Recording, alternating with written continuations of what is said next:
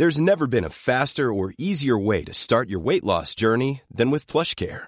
PlushCare accepts most insurance plans and gives you online access to board-certified physicians who can prescribe FDA-approved weight loss medications like Wigovi and Zepbound for those who qualify. Take charge of your health and speak with a board-certified physician about a weight loss plan that's right for you.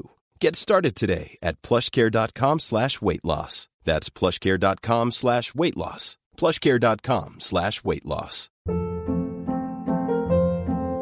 Hold up. What was that? Boring. No flavor. That was as bad as those leftovers you ate all week. Kiki Palmer here, and it's time to say hello to something fresh and guilt-free. Hello Fresh. Jazz up dinner with pecan-crusted chicken or garlic butter shrimp scampi. Now that's music to my mouth. Hello Fresh. Let's get this dinner party started. Discover all the delicious possibilities at hellofresh.com. A lot can happen in three years, like a chatbot may be your new best friend. But what won't change? Needing health insurance. United Healthcare Tri Term Medical Plans, underwritten by Golden Rule Insurance Company, offer flexible, budget friendly coverage that lasts nearly three years in some states. Learn more at uh1.com.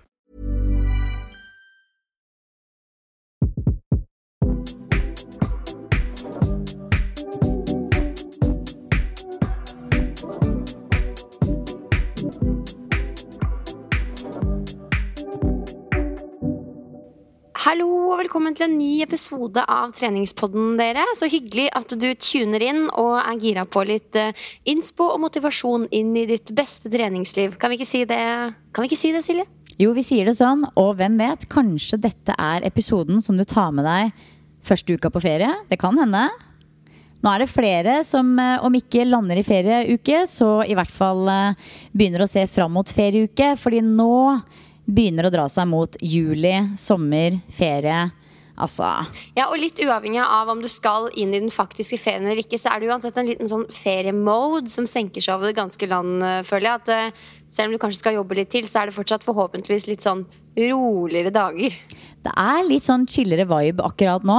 Med mindre man har en jobb som ikke tillater det at all, da, helsepersonell og lignende. Men, eh, men ja, det er nå i hvert fall uh, juli, og det er jo feriemåneden de luxe. Det er feriemåneden de luxe, og vi kan jo egentlig bare starte med å si at vi har landa på, vi, denne uka her. At det blir sommerepisoder hele sommeren, og det var jo egentlig ikke planen. Vi hadde i grunnen eh, store planer om å gjøre litt som i fjor, ta oss tre-fire ukers podkastferie.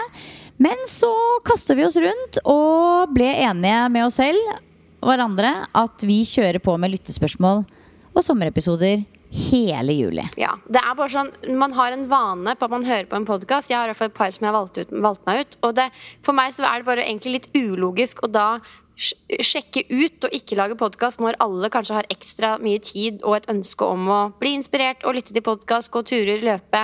Så vi ville stått opp under det, og ja, slippe episoder. Ja, tanken er jo at vi skal kjøre eh, lyttespørsmål, og det er jo helt fantastisk at vi får drahjelp fra dere lyttere til å svare på spørsmål om eh, veldig mange ulike ting. Både trening og ferietrening, mentaltrening, yoga, stretching, avspenning. Og en kanskje litt sånn mer sånn personlig variant også. Spørsmål om oss. Det var veldig gøy å se hva som ramla inn da. Ja, det- Så det er bare å følge med nå eh, utover i ukene som kommer, folkens. Ja, Noen andre som er på jobb i dag, det er den liftmaskinen som er rett utenfor lokalet her. Jeg håper ikke og tror ikke at dere hører den så altfor mye, men um, hvis dere skulle høre den i bakgrunnen, så ta det som god trening å fokusere på det som er viktig, og luke ut eventuelle forstyrrelser. For de vil det alltid være i livet. Og ja, i hvor stor grad det irriterer deg, det sitter i huet. Ja, se på det som en liten mental treningsøkt. Altså, det har seg sånn nå at vi sitter på, i et lokale ved siden av Myrens treningssenter på Torshov i Oslo. Her har, altså det skal jeg høre alt om, her har Pia vært og trent i dag. Her har jeg vært og trent i dag. På, i hvert, med en go- god vegg imellom oss, men likevel. Vi har begge to trent. Jeg har holdt litt timer. Og nå har vi landa i et restaurantlokale.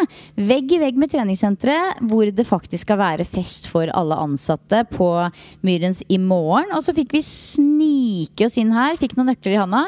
Gå inn og spille inn podkast. Og det vi kjenner, er jo at her er vi i et gigantisk lokale helt alene. Og så var det da, of course en eller annen person som skulle vaske vinduene med en gigalift akkurat nå. Men det får vi bare stå i. Ja, ja, det er klart han må få vaske vinduene sine. Det er tida for det nå. Eh, nei, herregud, dere. Jeg kom rett fra en jeg kan vel si en til en, altså PT-time med Tommy. Tommy Lande som jobber på CrossFit Sagene. Som ligger vegg i vegg med Myrens treningssenter, som du jobber på, Silje. Og eh, altså, Du er jo du er blitt min muse på masse ulike områder i livet, Silje. Og dette, denne muscle-up-reisen din har jo jeg hatt lyst til å slenge meg på lenge. Eh, men samtidig ikke, hvis du skjønner. Ja, for du har vært veldig delt. Jeg har jo liksom sett at det har vært et sånt eh, element hos deg som har på en måte blitt trigga litt fordi det er noe du har jobba med tidligere. Så du var litt sånn åh, dammit, hvis hun skal gjøre det, da skal jeg også gjøre Det Det er som et lite sånn gnagsår som du reiv av skorpa på. Ja, Og jeg har jo derimot aldri vært noe gira på det. Jeg tror jeg har sagt liksom setningen jeg skal i hvert fall aldri trene på muscle-ups noen gang i livet mitt. Typ mange ganger. Men så bare tenkte jeg hvorfor ikke? Når jeg plutselig hadde en del pullups innafor og kjente at ok, vi trykker på med et eller annet gøy, så blei det jo et mål om muscle-up i løpet av 2023 nå fra januar av. Og så har jeg jo øvd ganske sånn eh, jeg har øvd trett, altså litt sånn jevnt og trutt på dette med øvelser som, eh, som tar meg mot målet, men det går jo veldig langsomt. Og for de som hørte på siste ukes episode av Treningspodden, så testa jeg jo da. Klarte det ikke. Testa på ny denne uka her. Klarte det ikke da heller. Mm, it's, it's a journey. Ah, ja, det er jo litt irriterende. Samtidig så visste jeg det jo egentlig. Men jeg, jeg skal snakke litt mer om det nå og planen videre. Um, men jeg er jo veldig nysgjerrig på hvordan det egentlig gikk med deg. Du, det gikk veldig bra. Eh, Jeg var veldig spent, og det som var litt deilig Jeg var litt nervøs, men samtidig så var det sånn, jeg har ikke noen forventninger til meg sjøl. Det blir bare spennende å se hvor landet ligger. Og jeg fikk jo virkelig bevist hvor deilig det er å komme til noen som kan det de driver med, og bare si 'Jeg er en oldus, hjelp meg'. Eh, Så vi gikk gjennom litt sånn øvelser og progresjoner og regresjoner av muscle-ups. Og så måtte vi jo selvfølgelig teste. Og jeg vet ikke om det sier noen noe, men jeg kom til en muscle-up med en rød strikk som er Det er vel de tynneste han hadde der, faktisk. Og det begynte med liksom, Første gang vi testa, så var jeg ikke i nærheten. Da var det to lilla strikker, og det var liksom mulig. Men så jobba vi litt med teknikk og overganger i regresjoner, og da gikk det til slutt da med en sånn veldig tynn strikk. Så det var, det var stas. Ja, Det er veldig stas, og det er imponerende nære til en som ikke har trent på muscle-up på lenge å være. Ja, men jeg har, jeg har trent litt på muscle-up, så jeg har gjort mye dips og chins og pull-ups. Jeg visste vel litt i bakhodet at jeg kommer til å klare noe her. Men det er klart, jeg fikk jo virkelig bevist hvor mye og i hvor stor grad teknikk spiller inn. Eh, men så er det jo også viktig å understreke at det er lang vei fra muscle-ups med rød strikk, som du har trent lenge med, og til å klare sin første med egen kroppsvekt.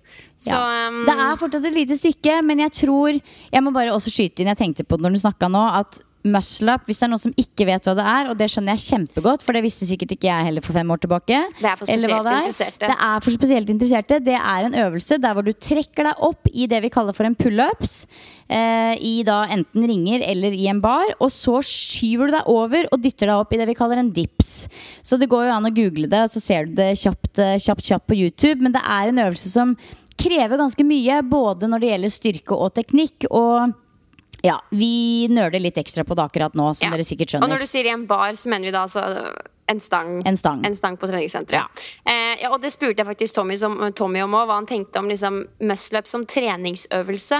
Og vi var jo ganske enige om at det er, en, det er en kul greie å kunne. Det er en ferdighet og moro, for, uh, moro å jobbe med for de som har noen chins og pullups inne og kjenner at de trenger noe krydder som holder det interessant. Men det er jo ikke den treningsøvelsen jeg ville lagt mest vekt på. Utover det at det hjelper deg til å klare chins og, og pullups og dips. Da, for det må du jo naile først. Ja, og det er, jo det, det er jo det som på en måte har vært interessant for meg. At det har jo vært en måte å trene styrke på fordi du må legge inn ganske mye fokus på akkurat de øvelsene som du nevner der, som er kjempefine styrkeøvelser. Men selve muscle-upen i seg selv er jo litt mer sånn fordi det er gøy. Men både dips og, og, og roing og, øh, og chins er jo kjempefine overkroppsøvelser. Så jeg har jo så godt som nesten bare jobba med de øvelsene siden jul, og ikke noe annet fokus på overkropp. Og føler jo at det har fungert veldig, veldig bra. Um, Men det er en måte for oss å keep it interesting, og jeg tror eh, vi kan i hvert fall inspirere på den måten at uh, du må jobbe litt for det. Uavhengig av hvor du er i nivå, om det er å naile din første knebøy, første pushup eller muscle-ups. Vi må, vi må liksom legge oss i selen og, og gjøre en jobb. Det kommer ikke gratis for noen av oss. Og der syns jeg du har vært en kjempeinspirasjon, Silje. Er en kjempeinspirasjon. Og så får jeg prøve å bare henge i stroppen og følge etter, da. Men det er jo litt Ja. um, Jeg har en uh, sterk følelse av at du kommer til å klare det egentlig før meg, faktisk. Selv om jeg er nære, så tror jeg du eh, likevel kommer til å klare det raskere. For jeg tror du er mye sterkere enn meg.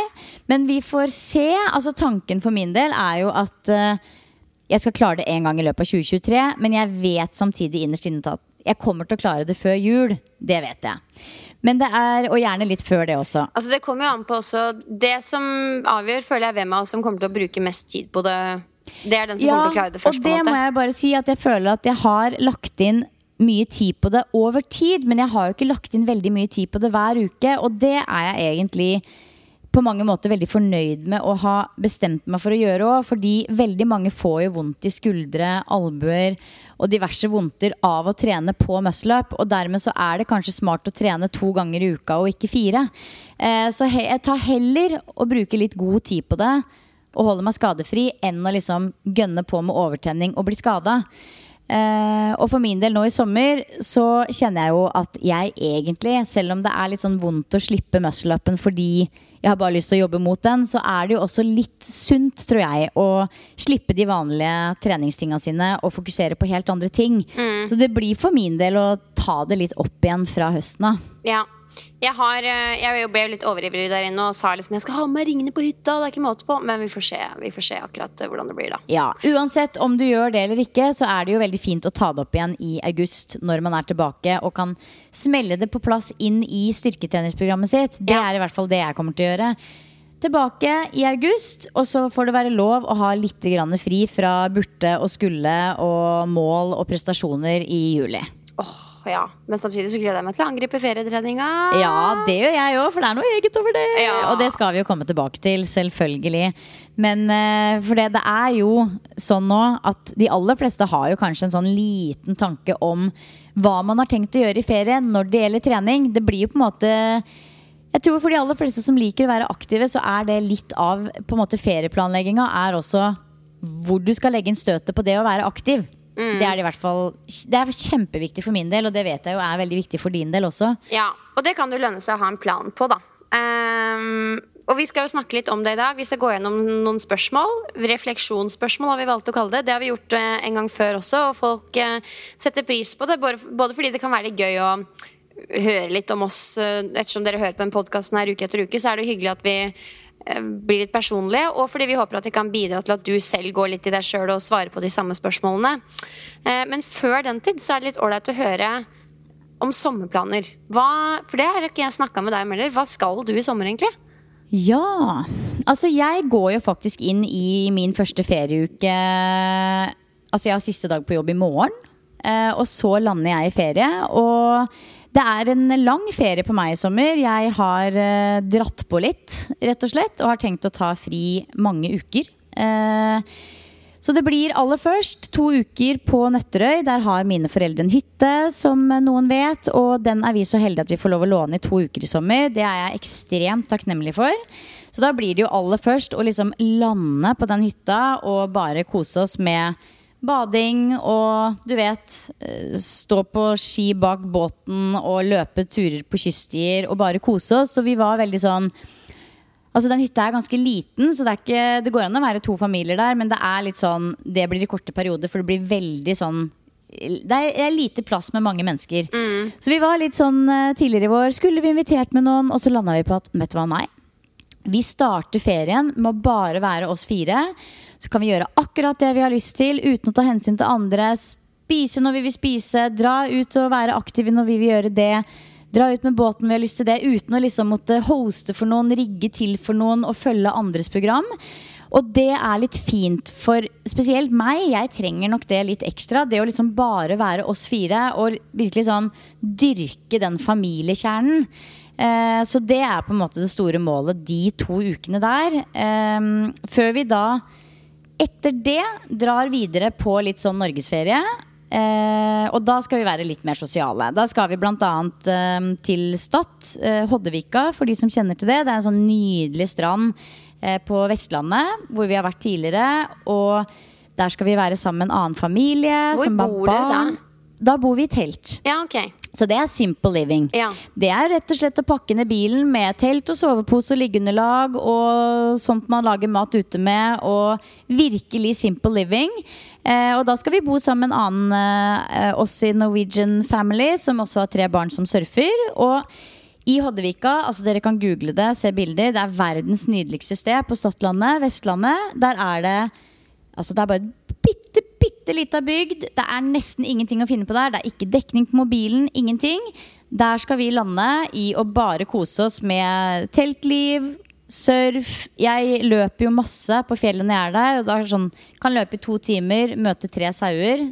På en måte. Helt sånn fantastisk naturopplevelse å være der. Men hva gjør man hvis man får dårlig vær?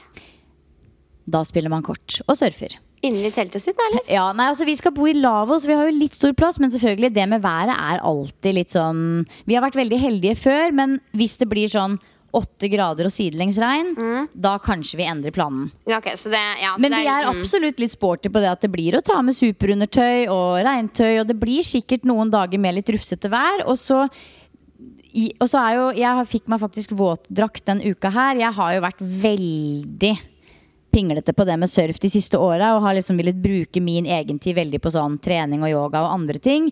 Men så har jeg følt også veldig på at jeg har vært litt sånn på utsida av den familiekjernen når de driver og surfer svært. Så da fikk jeg våtdrakt denne uka her og skal ta opp surfen, rett og slett. Så litt sånn uavhengig av vær, så er det en aktivitet som du kan gjøre. Men ja, vi håper jo selvfølgelig på det beste av det beste. Det blir eh, litt toppturer, litt løping, sannsynligvis mye surf. Eh, henge på campingplass med andre likesinna folk. Eh, og så har vi da booka to netter på Vestlia Resort på veien hjem.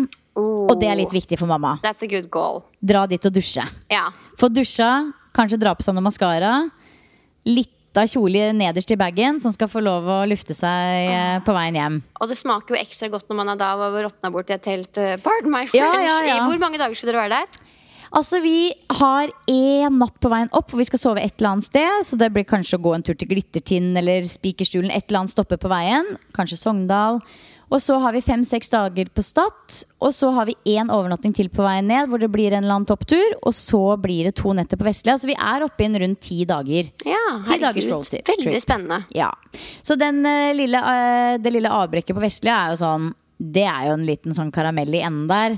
Mannen foreslo at vi skulle gjøre det på veien opp. Nei, nei. Nei, det blir jo helt, Det blir helt feil. Fordi når vi kommer dit, så er vi på et sånt nivå at du sannsynligvis liksom gnukker litt på huden, og så kommer det sånne flak med gjørme av. nei da.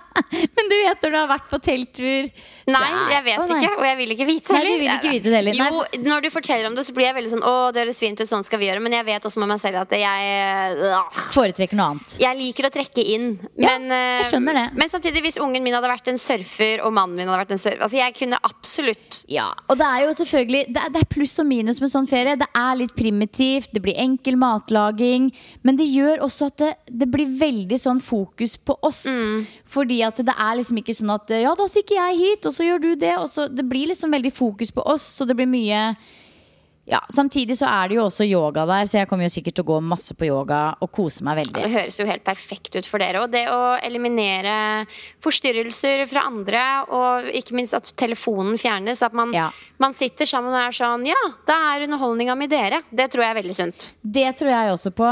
Så ja. Nei, altså det blir eh, deilig liten startup på Nøtterøy, og så roadtrip eh, Vestlandet. Og deretter så skal vi tilbake til Fornebu, der mannen skal tilbake i jobb. Men da har jeg fortsatt to uker fri. Da kommer han som er kule. Å, Da er det Supermann coming through. Da er det Supermann, for da har jeg bare tenkt å kose meg med det Oslo-livet har å by på. Ta med ungene til Oslo, kanskje litt høyt og lavt, kanskje litt ut på Langøyene. Bare nyte Oslo, liksom. Før vi helt, helt på slutten av ferien skal på en sånn familiefestival, bare meg og kidsa, hvor jeg har meldt oss på Eh, rett og slett en sånn yoga-familiefestival på Nøsen fjellhotell i Valdres. Og skal dit og gå i fjellet, gjøre yoga og kose oss sammen, bare oss tre. Og det, det blir liksom Det er siste rest. Ja, og Den siste der, familiefestivalen, det er sånn jeg har lyst til å gjøre med Sylvester. Han må bare bli litt større, føler jeg. Men eh, det virker dritkoselig. Altså I fjor så var vi bortreist pga. Uh, Australia-turen vår. Uh, men året før det så fikk vi ikke plass. Da sto jeg på venteliste og bare håpa at vi skulle få plass, men det gjorde vi ikke. Så den turen her er vi veldig eh, spente på. Spesielt mamma. Gleder seg veldig. Ja, for jeg blir litt nysgjerrig. Er ungene like stoka på yoga som deg? Altså, Hva er deres forhold til konseptet yoga? Altså, nå skal vi på yogahelg, liksom? Ja, altså når vi var ute og reiste, da var jo de rundt fem-seks år. Da var jo de veldig ofte med meg på yogatime. Og det kunne være liksom 75 minutters timer, og de syntes jo det var litt kjedelig. Og så plutselig så satt de og surra med noe annet, og så var de litt med. Så det har jo på en måte vært en sånn ting som de har blitt introdusert for eh, fra de var veldig små. Men den fysiske yogaen den har det blitt veldig lite av de siste åra. Når de på en måte selv velger at nå vil jeg på fotballbanen, nå vil jeg på tennisbanen, nå vil jeg henge med venner. Men det som på en måte har fortsatt å være en greie, er f.eks. yoga nidra. At det er noe jeg gjør for dem istedenfor andre ting på kvelden. Eh, og det med liksom litt sånn savasjana, savas, savas. Massasje i ansiktet. At vi liksom bruker litt tid på hverandre for å roe ned på kvelden når vi har mulighet og tid til det. Det er liksom en sånn vedvarende yogagreie. Men akkurat det å stå på yogamatta alle tre og gjøre yoga, det gjør vi så godt som nesten aldri. Nei, og tillegg sånn, på en sånn helg så tar de vel høyde for det og finner aktiviteter til barna som er eh, enda litt mer passende for nettopp kids. Ja, så Timeplanen er på en måte veldig mye annet enn yoga òg. Men det er på en måte yoga for voksne mens de har barnepass. Det er yoga for familien, det er yoga for barna. Men òg veldig mye annet. da Trampolinekurs og bade i fossen og mye moro. Så akkurat den helga der, den gleder jeg meg veldig til. Å, koselig. Ja, Så det er eh, litt av hvert denne sommeren, men alt er jo i Norge. Og altså, jeg gleder meg. Det skjønner jeg. Ja. Og så er jeg veldig spent på deg. Er du egentlig det? Nei, jeg vet hvor du skal, Ja. men jeg er litt spent på dine tanker og forventninger og hva du ser mest fram mot. Ja, Vi var jo på en liten ferie i mai etter eh, treningsreisen min. Da var vi i det store utland, i den grad man kan kalle charterferie til Alcudia eh, på Mallorca eh, utlandet. Det var veldig deilig. Så, men altså, vi har jo hytte i Kragerø, så det er naturlig at vi bruker den så mye som mulig på denne tiden av året, og da spesielt i sommer. I sommer. Så fra og med neste uke ish så har jeg eh, ferie. Kjæresten kommer noen dager etter, og så skal vi egentlig bare være på hytta og kose oss og nyte og være sammen. Det som er fint der, er at det er veldig sosialt, for det er på en måte en sånn hyttelandsby. Eh, samtidig som man selvfølgelig kan trekke seg tilbake og gjøre sin greie. Så jeg håper det blir en god miks av de to. Jeg kan synes det er litt vanskelig å finne balansen mellom å være sosiale og være alene. Jeg òg. Ja, For kjæresten min er veldig sånn, han vil være med folk hele tiden. Samme her. Mens jeg er litt sånn, vi må være sammen bare vi og bruke det kruttet på oss. Jeg er så enig, Pia. Føler du den? Og vi må ta en forventningsavklaring om dette hver eneste sommer. Å, så deilig å høre Ja. er flere. Vet du hva, I fjor sommer så blei jeg litt uh, overkjørt på den fronten. Rett og slett fordi at vi var i Australia. Det er hans sted. Det var han som avtalte og booka inn, og det, det gikk i et banka kjør. Vi hadde folk på besøk absolutt hele tiden. Og jeg må ærlig innrømme at jeg blei mentalt utslitt av det. Eh, og kjente på at liksom, selv om vi var lenge vekk, så liksom kjente jeg et sånn oppriktig savn på å bare være oss fire. Ja. Jeg tror kanskje, kanskje det er, ligger mer latent for gutta. Jeg vet ikke, å hele tiden skulle ha planer og gjøre ting og være med mennesker. Og de ser kanskje ikke helt verdien like stor grad som oss to da, av å bare være og ikke ha noen planer. Jeg dyrker familiekjernen. Ja. Men for min del så er det veldig viktig med begge deler. Men det er litt sånn viktig for meg at jeg i forkant er litt sånn Da gjør vi det, og da gjør vi det. Så, så vi har litt sånn bevisst de to første ukene bestemt oss for at ja, selvfølgelig går vi sikkert ut og spiser middag med noen og henger litt med noen på stranda, men det er ikke noe sånn Kom til oss og bo her så lenge dere vil. Det blir koselig. Ikke noe sånn. Det er sikkert også litt fordi Hvis det skjer, så er det jo gjerne vi som hoster og er litt sånn ekstra på ballen i forhold til det. Um, så ja, jeg, jeg har jo snakka litt om det i mine kanaler, og jeg og kjæresten min har også snakka om det. Og den forventningsavklaringa er så viktig.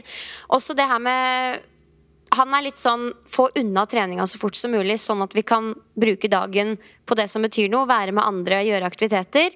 Jeg er enig i det, men jeg er også litt sånn Ferie er jo å kunne sove lenge, sitte med morgenkaffen lenge, bruke halve dagen på at begge får trent, og så er det middag, liksom. Altså sånn så vi, vi må bare samkjøre litt. Og det, det vi lander på da, et konkret råd, er jo denne som du sier, forventningsavklaringa. Ja, For den forventningsavklaringa, der tror jeg alle har noe man burde hatt en forventningsavklaring om. Hvis man bare tenker seg nøye om hva er det som har bugga meg tidligere år. Og for min del så er det helt klart det at jeg noen ganger kan føle meg litt sosialt overkjørt, fordi det er liksom da du skal møte absolutt hele verden. Og så er det også det i forhold til rot for min del, at hvis vi f.eks. skal sove i telt en uke, da, sånn som vi liksom skal nå, da kan det ikke være våte våtdrakter og svett superundertøy og skittentøy som ligger overalt. Nei, nei. Da må folk ta ansvar. Hvis ikke så kommer jeg på et eller annet tidspunkt til å eksplodere. Og dette med trening. At alle får liksom tilfredsstilt behova sine. Viktig. Viktig. Så det, Hvis ikke så ser jeg for meg at ferien fort kan bli et energisluk, og man lengter tilbake til jobben begynner. Og det er jo en overgang for meg. Jeg er en eh, person som trenger mye egentid. Altså Jeg har minst tenk deg det, Silje, sju-åtte timer alene hver dag. Ja, det er Omtrent, sjukt. Der jeg pusler med mine egne ting og elsker det. Og nå skal dette fjernes og tas bort fra meg en hel måned. Jeg elsker det, men jeg kjenner også at jeg må være litt i forkant av, eh, av meg sjøl. Fordi det, det er sånn man går og finner seg i ting, finner seg i ting, finner seg i ting. Ikke på den måten at jeg blir urettferdig behandla, men at jeg ikke husker på mine egne behov før det har Ja. gått litt for langt. Ja. Og da kan man reagere på ting som egentlig ikke er noe irritere seg over, men det er bare det som fikk begeret til å renne over. Være i forkant. Men jeg tror også egentlig veldig på det med egentid. tid tror, du og jeg vi er veldig bevisst på at vi faktisk trenger egentid. Jeg tror det er mange som trenger det, men som ikke har den bevisstheten rundt det. Men bare det å liksom si sånn See you later, guys, og så stikker du på en og en halv time i skogen og hører på podkast, det er veldig sånn påfyll av egentid. Så bare det å gjøre det et par ganger i uka, så har du kanskje dekt behovet der. Og det tenkte jeg faktisk på her om dagen med deg, fordi du oppfattes som og er et veldig sånn energirikt og veldig tilstedeværende menneske. Åpenbart med god helse og god form og alt det der. Og jeg tror mange fort kan tenke om deg at å, Silje er heldig, hun, hun trener så mye og spiser sunt, og det kommer litt lettere for Silje, liksom. Men det, det er også, når du kommer tett på deg, veldig fascinerende å se hvor mye tid du bruker på å være i stand til å ha det bra og møte opp som den beste versjonen av, seg, av deg selv. Ja. Nettopp å gjøre alle disse tingene. Gjøre den yogaen, dra ut på den løpeturen, spise den og den maten. Det er, liksom, det er ikke noe som kommer av seg selv. Det handler om å hele tiden, tør jeg påstå, ta bevisste valg for å ha det så bra som mulig. Um, ja, det tenkte jeg på, da. Ja. Nei, vet du hva, det, det er sant. Det er jo en liten innsats, samtidig som når du er sånn du velger å legge opp livet ditt, så går det litt av seg sjøl. Det er ikke sånn at du tar valg rundt det hele tiden. Det er bare gode valg som blir tatt omtrent for Ja, deg. for det er der du vil være. Det er Ja. sånn du lever livet ditt. Men Ja. å komme fra et mer sånn vanlig og selvoppofrende liv, eller i hvert fall en hverdag, og så begynne å sette de grensene, den, jeg ser at den kan være utfordrende. Og så tror jeg jo også at det er litt lettere for oss som har så stor kontroll over vår egen hverdag. Jeg ser jo den, men det er fortsatt tilgjengelig for alle. Men det starter med å begynne å stå opp for seg sjøl, og sånn sett er jo ferien en fin mulighet til å gjøre nettopp det. Og tenke at ja, barna skal ha en fin ferie, mannen min skal ha en fin ferie, men det skal søren meg jeg også Ja, ha. ja. Hva er det jeg trenger for å lade opp i disse ukene her? Der Ja. tror jeg mange, spesielt jenter, hvis jeg skal tørre å være litt generaliserende, har eh, litt å gå på, da. Ja. Så ta praten før ferien, da. Ta praten før ferien. Ja. Men du, for hvor mange uker skal dere være på hytta? Ja, det det. Nei, det er litt usikkert. Vi ser an været og litt sånn. Eh, Jeg vurderer også å leie ut hytta et par uker i august, men ja, jeg vet ikke helt. Jeg må se an litt. Ehm, så vi skal bare være på hytta, kose oss i hvert fall i hele juli. Eh, 15. juli-helgen, da er det fullt party, for da fyller kjæresten år, og vi skal ha barnevakt, og det er liksom Han liker en fest. Ja, og det den dagen der Og på to do-lista mi, altså bucket-lista mi i lifet, så er det at meg og Simen skal på fest. Dere er eh, En annen gang så skal jeg det. Dere hadde matcha bra på fest. Vi hadde det. Eh, Så, og, så da er det party, vi får noen venner nedover, og vi skal liksom virkelig kose oss. Og hvis noen skal på white party på Kragerø resort, see you there. ja ja, det er white party. Det står vi godt i. Dagparty er det beste som Ja, fins. det er. Og utover det så er det jo litt sånn sene kvelder med vin, og det er fri flyt av både det ene og det andre. Men jeg gleder meg skikkelig til å gjennomføre ferietreninga mi òg. Ja, for hvordan ser den ut? Den, eh, det er mye styrketrening kombinert med litt sånn eh, koseløping. Det er det det kommer til å gå i. Jeg har jo uh, door gym der, jeg har eh, bars, jeg kan gjøre dips, jeg har justerbare manualer, jeg har strikker. Jeg har virkelig alt jeg trenger. Det er sånn jeg sa til Simen her om dagen, bare sånn herregud, folk må tro jeg er virkelig spesielt interessert når de ser meg holde på. Men det er det jo. Det er jeg jo. Så det står jeg godt i. Og nå må jeg kanskje pakke med meg ringene òg, og be ungene om å fjerne seg fra lekeplassen, sånn at jeg kan øve på Ja, fordi det, Du har tenkt å henge opp ringer da på en lekeplass? Nei, jeg vet ikke. Nei. Jeg vet ikke, Men jeg, jeg, jeg kan nok si at jeg definitivt kommer til å prøve det ut. Men jeg må se litt hvordan det oppfattes av gjengen rundt, og hvordan de ringene passer inn i miljøet der. Ja, for hvis det er 40 barn på lekeplassen, så kommer du her sånn 'Unnskyld meg! Unnskyld meg!' Da kan det kanskje bli litt krasj. Tell deg bort fra den huska. Ja, vi Ja. får se. vi får se Men det er i hvert fall mine ferieplaner, og det gledes. Ja, fy søren. Det er jo Jeg må jo si at jeg er jo oppriktig misunnelig på den hytta. Ja, Men du har jo samme viben i Tønsberg. Jo, absolutt, men det er jo på en måte ikke det, Dette er jo et uh, kollektivt deleprosjekt, og jeg er så takknemlig for det. Men vi er jo mange, mange ikke sant? Vi er jo mange som eh, skal ha en liten bit av kaka der. Og det er jo kjempe Altså, jeg er så takknemlig for det, men det er jo sånn Du tar de ukene du får, og så må du liksom rigge om litt. Og i år så har vi vært kjempeheldige. Ja. Så Ja, det er jo, det er jo vi, vi bruker jo også lånehytter, holdt jeg på å si, som er um, familien sin i, på vinteren. Og det er en helt greie dra, annen greie å dra til sin egen hytte. Du har dine ting der, du trenger ikke å pakke en skit. Og bare vite at this is mine, på en måte. Det Ja. kommer ingen andre. Jeg kan dra hjem når jeg vil, og komme når jeg vil. Så det er fint. Men Det er um, det, det, ja, men det, Det er koster jo er deretter. Ja. Men eh, ja, jeg må jo si at uh, hytteliv, helt fantastisk. Og man lager jo veldig mye sånn minner med barn og lever også enkelt der. Og så er det, det er jo på en måte litt sånn, hvis man ser det positive i det eh, Ved å ikke ha hytte, så får man jo anledning til å lage sine egne ferier på andre måter. Absolutt. Om det er eh, bilturer i Norge eller å dra til utlandet eller hva det måtte være. Mm. Men du, kjapt innpå før vi går inn på disse, inn på disse tolv refleksjonsspørsmålene.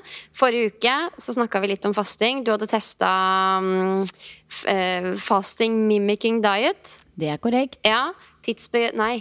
Fasteimiterende diett. Ja, Eh, kort og konkret, kort og konsist, hvordan har det gått siden sist?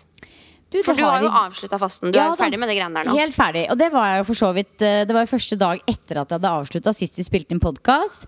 Var jo veldig spent også i forhold til den eh, publiseringen og hva folk skulle synes og tro. Og Men det har vært eh, overraskende mye interesse rundt det. Folk syns jo det er veldig gøy når man går ut av sin vanlige karakter og gjør noe litt crazy.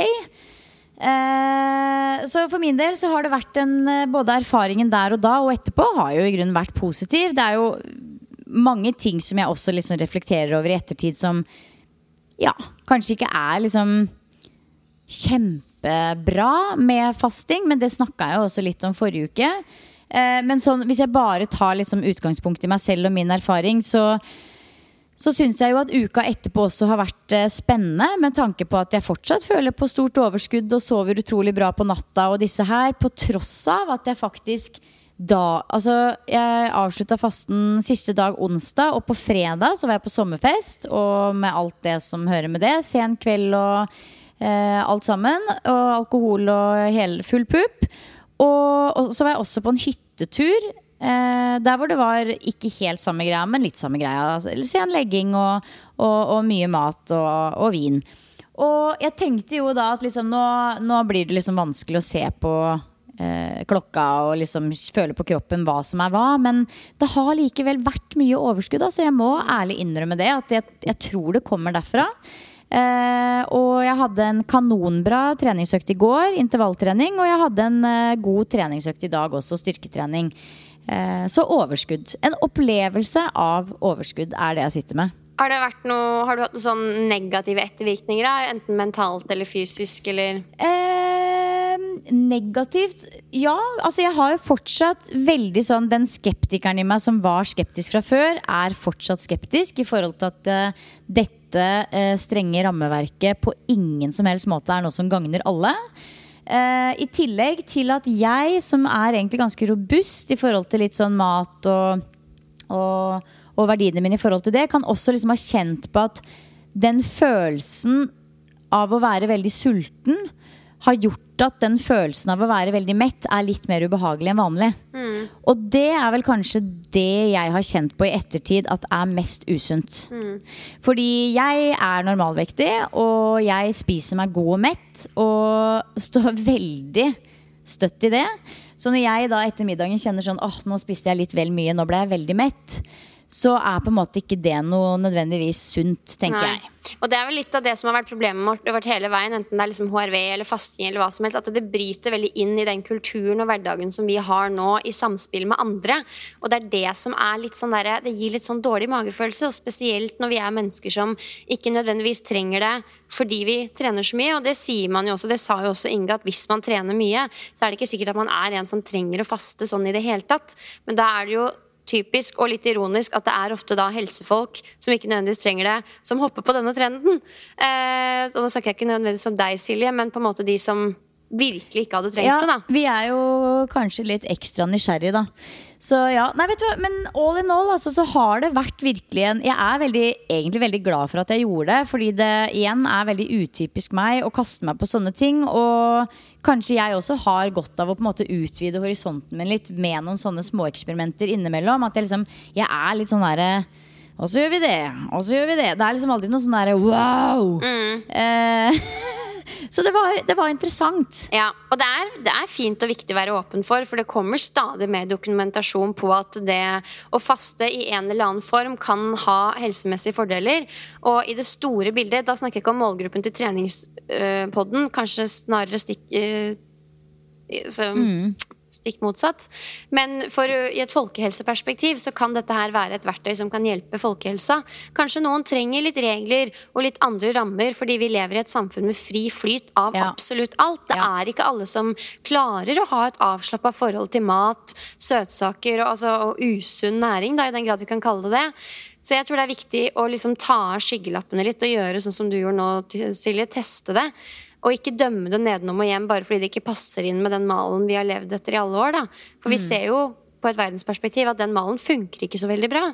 Så um, nei, jeg er glad du testa det. Så er det sikkert noen som ble litt overraska, men Ja, det var det. jeg syns vi skal stå og for jeg, det. det var det. Og, men, øh, og det er helt greit. Fordi jeg tror at man, man kan ikke på en måte please absolutt alle i hver eneste episode av Treningspodden man lager. Men jeg må jo også si at øh, jeg er positivt overraska, men jeg har fortsatt denne mm, gåstein sunne skepsisen i forhold til faste som en trend. Det har jeg absolutt, og jeg står veldig stødig i også meningene mine rundt dette med at det er maten vi spiser som er viktigst, og ikke når vi spiser den. For jeg tror absolutt alle ville hatt veldig mye større helseeffekter av å spise bedre mat. Mindre prosessert, mer råvarer, mer grønnsaker. Eh, I mye større grad enn om man faster en gang i ny og ne.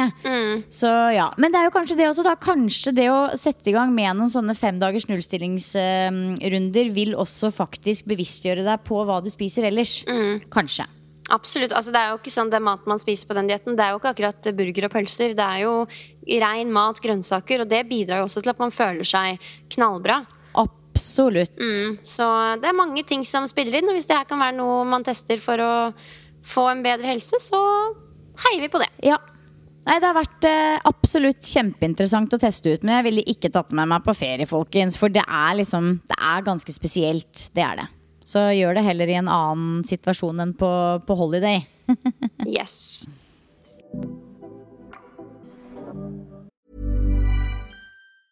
Many of us have those stubborn pounds that seem impossible to lose, no matter how good we eat or how hard we work out. My solution is PlushCare.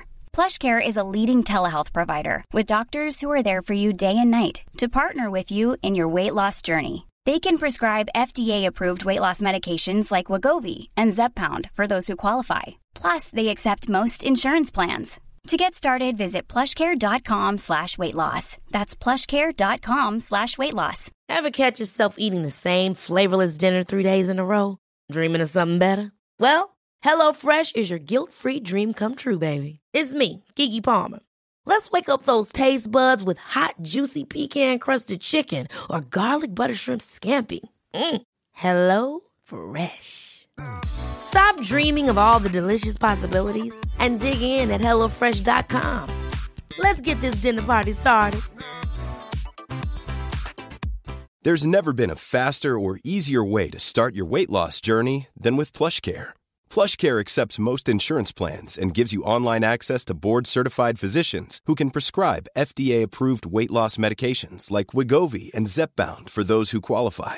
Take charge of your health and speak with a board-certified physician about a weight loss plan that's right for you. Get started today at plushcare.com slash weight loss. That's plushcare.com slash weight loss. plushcare.com slash weight loss.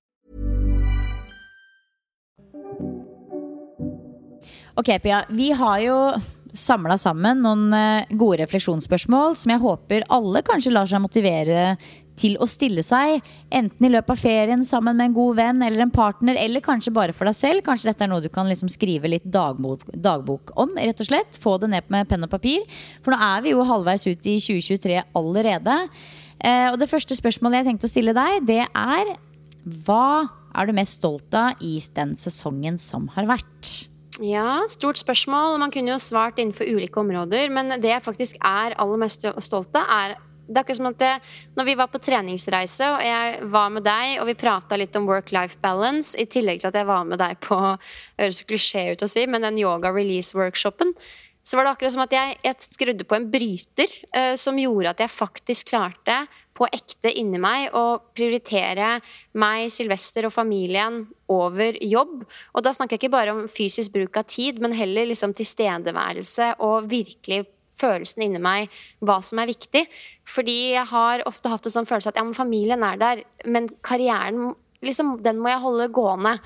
Men når vi var på den turen, så var det akkurat som at det bare switcha. Og etter det, Simen også er sånn Jeg merker så sykt forskjell på deg, og jeg merker så forskjell selv også. Eh, så det jeg er mest stolt over, at jeg klarte, og klarer fortsatt å Selvfølgelig ikke alltid, men at jeg klarer å operere også etter den måten å tenke på og ha det på. Da. For det er ikke alltid så lett når man driver sitt eget firma. Det er kun meg som driver alt mulig framover, og det er mange mennesker som kjøper tjenester av meg, og det ansvaret kjenner jeg veldig på. Og misforstå meg rett, det er minst like viktig, og det er jeg kjempestolt over. Det vi har klart å bygge opp der, trent og sterkere. Men når alt kommer til alt, så er det jo familie som er viktig. Og det som er med karriere, det vil alltid være der. Du kan hele tiden jobbe med det jevnt og trutt, men hvis du ikke legger inn tid og innsats i relasjonene dine, så vil de sakte, men sikkert fade fram til de har blitt i mye dårligere kvalitet og i verste fall borte. Da. Så jeg tror det er så viktig å behandle det som et sånn en arena for ikke prestasjon, kanskje, men at du investerer veldig mye der. Og jeg vet ikke helt hva som skjedde på den release-workshopen, men something happened.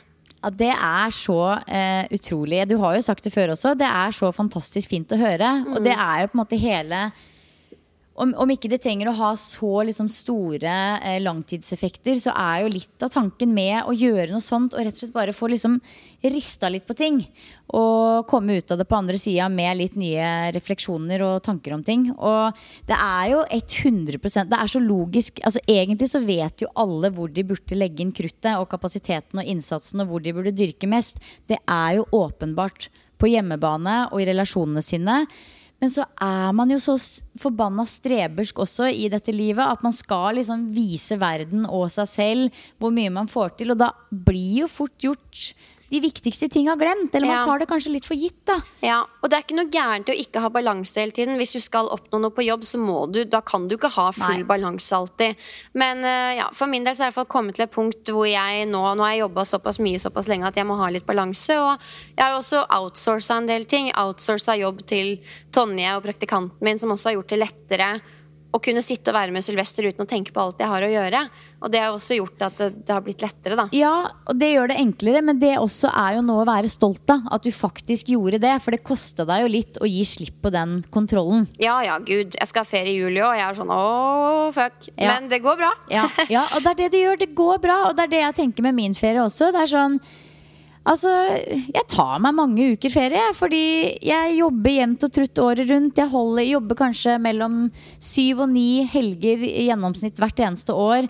Det burde jeg på en måte ta igjen på et annet tidspunkt, og da blir det på sommeren, når det uansett er stille i den bransjen som vi er i. Mm. Så jeg gjør det med god samvittighet, men det, det tar litt tid å komme dit. Og det er jo også litt sånn når man jobber som selvstendig, at på en måte, Man ser jo bare pengene renner ut av fingra på deg. For du vet jo at hadde jeg holdt jula i gang, så hadde du jo fakturert greit i august òg. Mm. Det blir ikke nå. Men livet er nå, og det har på en måte vært uh, mantraet mitt i hele 2023. Livet er nå. Og ved å stille meg det spørsmålet Jeg tror uh, litt sånn mantraet mitt i fjor, det var uh, win. Mm. What's important now? Og nå er det livet er nå. Og det går jo veldig hånd i hånd. Så det er litt sånn når du står der, og det er sånn f.eks. i går kveld Fikk en melding av en venninne. Blir det med å ta et kveldsbad på Kadettangen? Uh, har jo egentlig ikke tid til det, men vet du hva livet er nå? Jeg gjør det. Og det er jo liksom du, du angrer jo aldri på det. På en måte. Det er noe med at man bare Noen ganger så er det som er akkurat nå, mye viktigere enn det som kommer etterpå. Jo, vi er helt avhengig av å tenke sånn, for det er alltid ting i fremtiden som du må få gjort. Jeg tror mange drives av det at jeg skal bare gjøre det og det og det, og så kan jeg slappe av. Men nå har jeg, altså jeg har lært du kommer aldri i mål med å holde på sånn. Da får Nei. du heller bare møte opp på mandagsmorgenen eller etter ferien og si ja, vet du hva, jeg har ikke fått gjort en dritt, jeg, kommer, blir bare kasta inn i dette, for jeg har hatt ferie. Ja. Det er lov. Ja. Men eh, hva med deg? Hva er du mest stolt av? Nei, jeg tror det er litt av det samme. At jeg har klart å leve litt opp etter mantralivet her nå. rett og slett Absolutt ikke alltid, men det er, jeg, har, jeg er veldig stolt av spesielt den siste perioden nå i både mai, som var veldig hektisk, men også juni. Hvordan jeg har på en måte klart å eh, med unntak av den der lille nervous breakdownen jeg hadde rundt eksamen, så har jeg på en måte klart å sjonglere de ulike rollene mine veldig godt. I forhold til å ja, være en til stede mamma og eh, gjøre en god innsats på jobb og holde ting i gang, men på en måte har klart å i hvert fall nå i juni, hvor det har vært fire uker med liksom 25 grader og sol omtrent, her hvor vi bor. Bare klart å liksom legge ting fra meg. Det er Jeg vet at jeg får ikke unnagjort absolutt alt jeg skal i morgen, sånn at jeg er ferdig gjort til ferien, men det går bra. Det er Om ting er litt ugjort, så går det fint. Og det er på en måte eh, Ja, jeg tror bare jeg har vært stolt av å liksom kunne klare å hva skal jeg si, ta meg tid til å liksom ta med barna på bare små hyggelige ting her og der. Jeg er stolt av å liksom kunne se at enkle ting også er spennende og viktige ting. Og at jeg har liksom utnytta ettermiddager og helger på en god måte da, for å tilbringe tid med dem. Eh, men jeg er også ganske sånn eh, Nå er det jo Nå er jeg vel kanskje inne i noe sånn som tredje, fjerde året som selvstendig, og der hvor jeg ikke er fast ansatt på et sted. Og jeg syns jo også at det fungerer veldig bra. At jeg på en måte er stolt over det å klare å sjonglere alle de ulike rollene med å være både ansatt noen steder, drive egen virksomhet og være student da i et ganske sånn krevende akademisk studie. Og liksom jeg, jeg føler at det krever en god del struktur og veldig god oversikt. Og det er jeg stolt over å få til. At det ikke på en måte er sånn at jeg hele tiden kaver for å holde hodet over vann. på en måte Det er sterkt. Eh, så, så det er mange, mange ting. Men det er selvfølgelig Dette er det jeg er stolt av. Det er jo mye ting som det Ikke sant? Det er jo ikke alltid alt ruller helt heller. Ja, men det trenger vi ikke å snakke så mye om. å snakke Det- mye ja. Vi influensere snakker ikke Ah, om det. Nei, nei, nei, viser ikke det. Nei, må ikke, må ikke snakke om det. Ok, eh, Neste spørsmål. Hvor føler jeg meg eventuelt litt stuck? Ja, Du først, da. Hvor, Ja, er, det, hvor er det det lugger? Hvor er det det Speaking lugger? Ja, det er jo nettopp det. Det er jo litt her og der det lugger. Jeg tror at jeg, selv om jeg er i liv er nå-modus, så er jeg nok også litt for kontrollfrik fortsatt. Mye, mer, mye mindre nå enn det jeg har vært. Men jeg liker liksom å ha veldig kontroll og oversikt, så jeg må øve på å gi litt mer slipp. Eh, jeg er veldig sånn opptatt av at jeg liksom må vite hvor vi er på ferie, og hva vi skal på ferie, og liksom opptatt av matuker, og, og jeg må ha oversikt over når jeg skal få trent. Og liksom jeg klarer ikke helt å kose meg hvis ikke jeg har en god oversikt over f.eks. uka mi. da eh, Og så tror jeg også at jeg har litt sånn eh, flink eh, pikesyndrom-tendenser. Eh, så jeg kan fort gå i den flinkisfella. Jeg har snakka meg veldig ned for eksempel, i forhold til den eksamen jeg hadde nå. Med at jeg liksom bare har gått rundt og vært sånn Ja, for sikkert det. For sikkert det. Det går bare til helvete. Det kan være det samme med det. Nei, ja, nei, ja, ja. Jeg fikk en B, på en måte. Og jeg var jo dritfornøyd med det. Det men det er på en måte bare noe med den derre negative at du bare tenker sånn, ja, ja, men det kan være det samme. At man liksom blir veldig sånn fordi det ikke ble perfekt. For det ble det jo ikke. Det ble jo ikke en A. Så det ble ikke perfekt. Men det var likevel veldig bra, og det er godt nok. Så jeg tror der sånn har jeg nok fortsatt litt å jobbe med at Men jeg føler du har kommet langt, fordi Ja. jeg føler du og mange andre er deres egen største hindring. I form av at liksom, det skal være så utrolig bra at man får aldri gjennomført det. Nå snakker jeg mest sånn Ja. i jobbøyemed. Og det, Ja.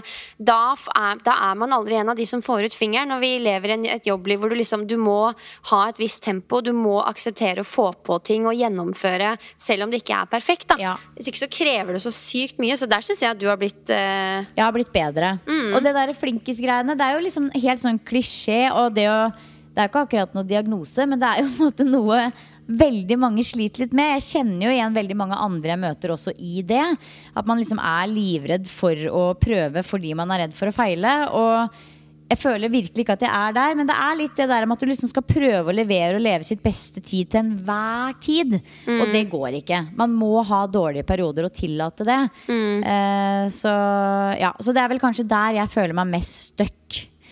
Eh, sånn egentlig. Men ja, hva med deg? Eh, Jeg har jo vært så heldig å ha en praktikant hos meg det halvåret her. Og det har gjort at jeg måtte, har måttet forholde meg til en annen person med timeplanen min. Og det syns jeg har gått sånn passe. Ja. Hun er jo veldig raus da, og har liksom bare virkelig tilpassa seg meg. Men det har vært mye sånn Å, kommer en time seinere. Eh, vi dropper i morgen. Ses over i morgen. Altså Ja, det er deg som er uh... ja, og, Ja. og til dels er det fordi jeg har hatt ekstremt mye å gjøre, men jeg ser jo også at jeg har mye å gjøre fordi hvis ikke noe haster, så utsetter jeg det, og så drar jeg heller og kjøper puter til oppussinga og til stua. Liksom, Istedenfor å være i forkant av ting jeg må gjøre. Fordi jeg er så vant til at det, Ikke at jeg avlyser om for henne for å dra og kjøpe puter, Nei. men ikke sant?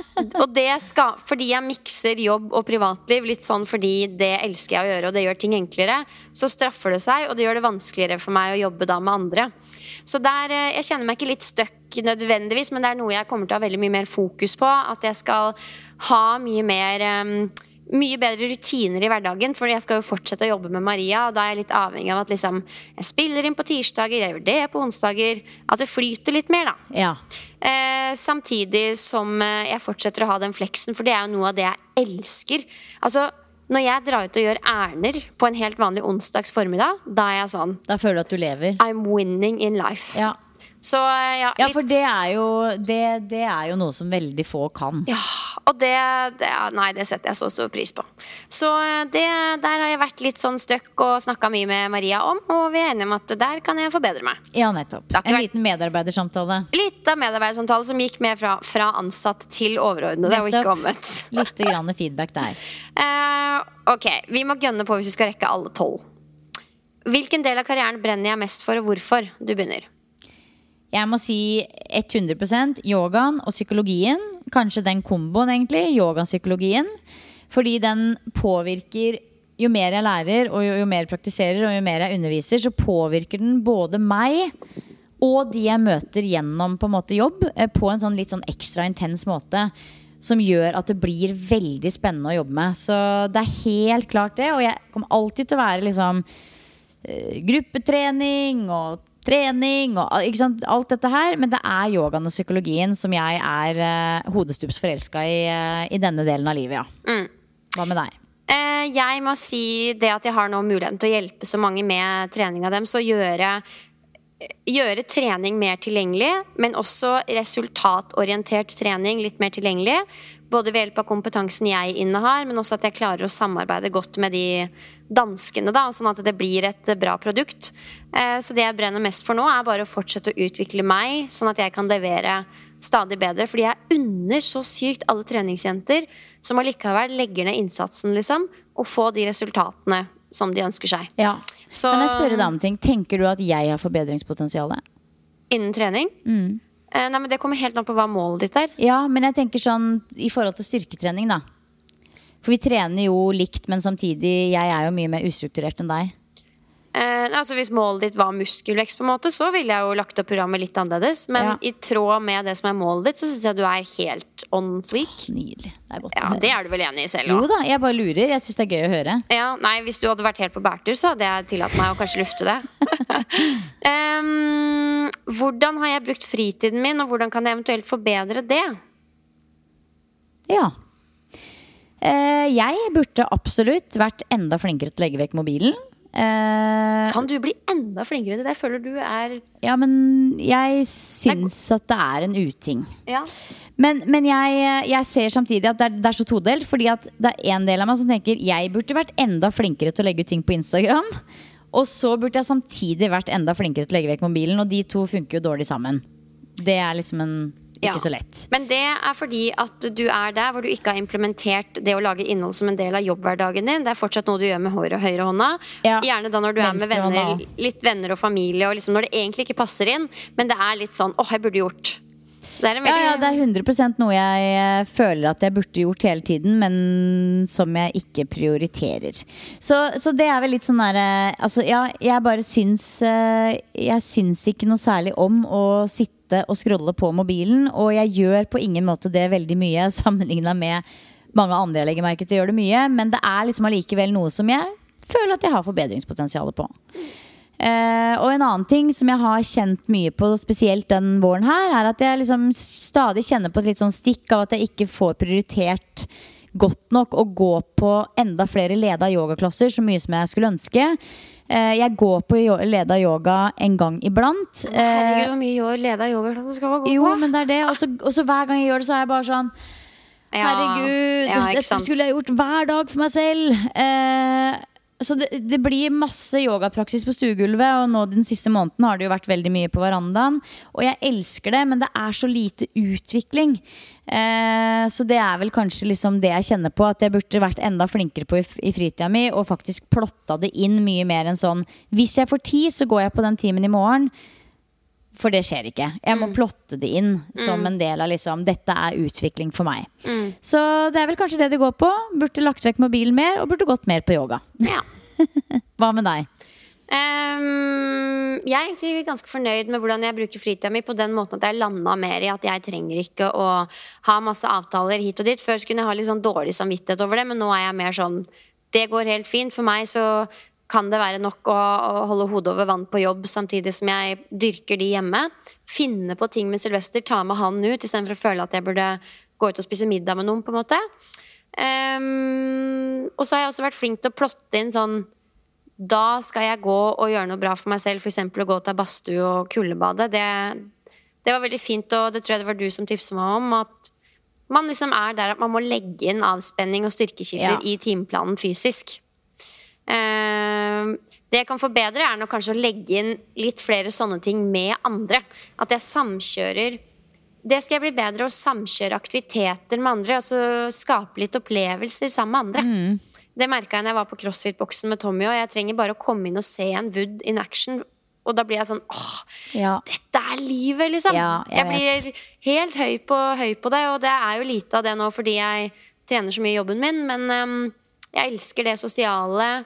Når jeg kan samkjøre mine verdier og det jeg elsker å drive med, med likesinna. Ja. Veldig klisjé, men det er det jeg elsker. ja, jeg leser den 100% Ehm, ok, hvor godt tok jeg vare på kropp og sinn? Altså, jeg sier bare ti av ti. Ja. Der er vi jo spesielle. Neida, jeg tror helt seriøst det er selvfølgelig forbedringspotensial sikkert på det ene og det andre, men vet du hva? Ti av ti. Ja. Jeg tror Der må vi si oss fornøyd. Ja, altså jeg, jeg føler ikke at jeg kunne gjort noe mer. Det er vel heller at liksom man kunne tatt et steg tilbake og kanskje tatt seg ikke et par glass vin mer, men liksom sånn Noen ganger som treningsmenneske så kunne jeg ønske at bare alt av konsekvenstankegang rundt den økta som kommer, at det var helt fjerna fra hodet mitt. Ja, Jeg kunne også ønske det på dine vegne, Pia. Ja. For jeg kan kjenne meg litt igjen i det, men ikke på la... Altså Hadde du hatt den siste uka mi nå, så hadde nok du vært veldig stressa. For jeg har på ingen måte fulgt Altså Nå er vi liksom rett på tampen av sommerferie. Det har, har vært 27 grader. Jeg har bare levd og surra og vært sosial, og treningsøktene de blei det ikke så mye av, for å si det sånn. Og det kjenner jeg sånn Ja, det var litt ekstra tungt på styrkeøkta i dag fordi jeg ikke har prioritert det godt nok, men jeg Altså igjen, vi lever nå. ja, det er sant. Vi lever nå, så jeg skulle ønske at jeg kunne krydre deg med litt av det. Men jeg har jo også hatt perioder hvor jeg har vært litt mer sånn, og det kommer og går litt. Og det er også noe med det at jeg har det best når jeg er litt skjerpa. Ja. Men eh, jeg, jeg har, tar et aktivt valg om å gå inn i f.eks. ferien med litt sånn la humla suse-innstilling. og det er jo også lettere når jeg setter på f.eks. Tonje som vikar i to uker. Ja. For da da kan jeg slippe det helt. Og det er, ikke det, det er ikke det at det krever så mye av meg å møte opp og ha en liveøkt, men det er sånn du skal tenke på tilkoblinga, du skal planlegge økta, det er mange mennesker som venter noe av deg, det er på med maska. Og det at man er litt på, gjør at man er 100% på. Ja, altså Det at du er litt på med jobb, gjør at du er litt av på fritid. Ja, og da blir det liksom verken fugl eller fisk. Ja. Um, så jeg altså, tar selvfølgelig godt vare på kroppen sin, men eh, kanskje liksom skal ta litt mindre vare på det på den måten. Ja, at du tar Ja. La humla suse litt, liksom. Ja, Eh, men jeg er også glad i å være flink. ja det er du. Og Lever det, godt. det er jo absolutt jeg også. Sånn som den siste uka mi nå. Jeg hadde jo dødd Hvis det var sånn jeg levde livet mitt. Ja. Da hadde jeg nok vært ulykkelig. Høres ut som du har vært en lasaron som bare Ja, nei, men altså, det har liksom vært litt mye av det gode både her og der. Og det har vært middagsgjester hit og dit, og hytteturer og sommerfester. Og, så det, det er litt vel mye akkurat nå, men det er samtidig veldig gøy. Mm, deilig. Um, på hvilken måte har jeg, og kan jeg strukturere tiden min bedre? Den føler jeg at jeg har svart ganske Ja. godt på. Ja, så jeg kunne jo faktisk kanskje, da når vi er inne på dette med sosiale ting, kunne kanskje takka nei til noe i de periodene det koker mest. For eksempel rundt eksamen og ja, sånne ting. Har jeg latt frykt for å mislykkes holde meg tilbake? Jeg føler ikke at jeg har noen konkrete eksempler på det, så jeg tror jeg bare sier at jeg har ikke bevisst latt frykt holde meg tilbake, frykt holde meg tilbake, men det er mulig at jeg har gjort det ubevisst. Eh, det kan godt hende. That's a good answer. Jeg, eh, jeg, for min del, jeg har veldig godt av å jobbe med de som holder i det tekniske eh, bak jobben min, fordi de pusher meg til å hele tiden gjøre nye ting. Jeg hadde aldri turt å holde på helt sånn som jeg gjør hvis det ikke var for de som sa 'det går bra, kjør på, gjør dette'. Så det har vært positivt. Kan du gi et eksempel?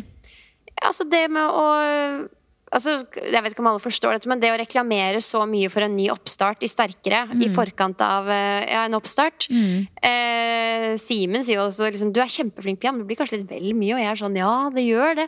Men så er de sånn vi ser på tallene, dette funker, du får ut budskapet til flere. Dette må du tørre å gjøre. De har på en måte fått meg til å se på meg selv enda litt mer som en merkevare i positiv forstand. At det Ja. det gjør der, det har ikke så mye med meg personlig å gjøre. Det er selvfølgelig meg og mine verdier, men du må tørre å, å forstå at noen loller av det og syns det er teit, liksom. Men så lenge det hjelper flere enn det plager, holdt jeg på å si, så står Ja. jeg godt i det. Og det jeg tror å komme til den konklusjonen helt på egen hånd, det er ikke alltid så lett. Så derfor er det fint å ha noen på andre sida som pusher litt, da. Eh, hvis ikke så hadde jeg nok latt frykten for hva andre syns eh, holde, holde meg litt igjen. Og så er det samme svar som deg. Det er nok noen steder man ikke tenker over det sjøl, hvor man blir holdt tilbake av seg sjøl. Ja. Men it's a journey. It's a journey. Eh, når har jeg følt meg mest levende? Altså, jeg føler faktisk den våren her, altså den siste perioden, liksom de siste fire-fem ukene, så har jeg vært alive. Føler jeg har funnet skikkelig sånn en hensikt med hver eneste dag. Om det så bare er at jeg gleder meg til uh, ungene kommer hjem fra skolen, fordi da skal vi gå og bade, på en måte.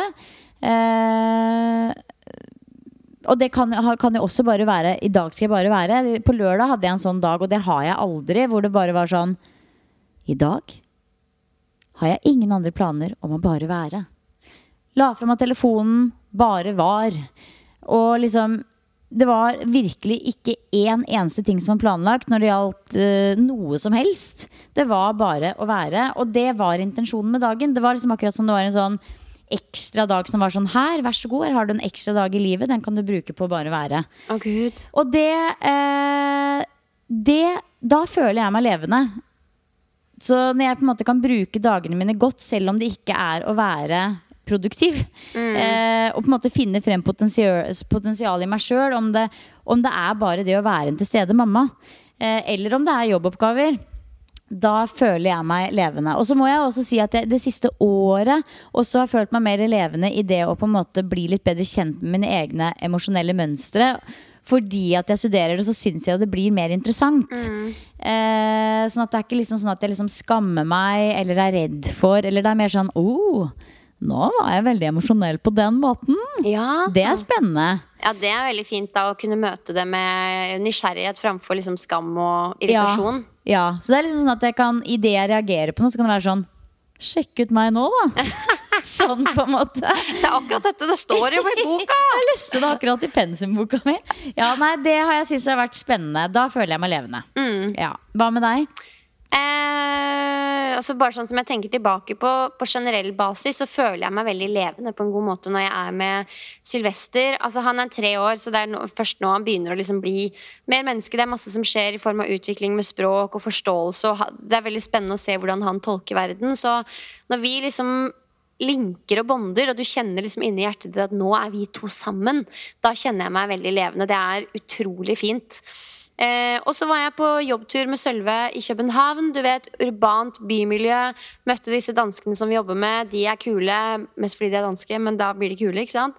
Da kjente jeg meg veldig levende når vi satt og snakka om framtiden, hva vi har fått til hittil. Og jeg bare sånn Yes!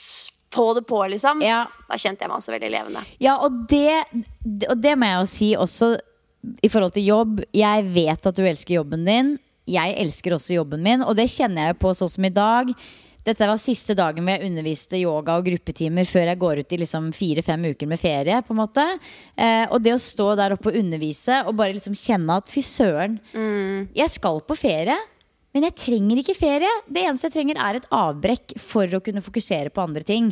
Fordi jeg er ikke sliten. Jeg er ikke sliten av jobben min. Jeg kunne underholdt eh, Eller ikke underholdt, eh, undervist.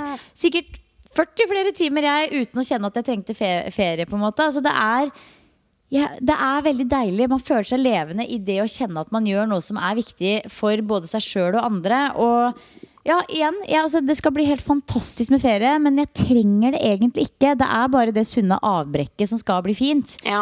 Det, er, for det, det har man godt av, å fokusere på helt andre ting. Men det er ikke sånn at jeg kjenner meg sliten.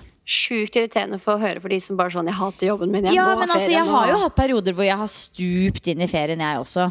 Jeg har jo det, men det er en stund siden sist.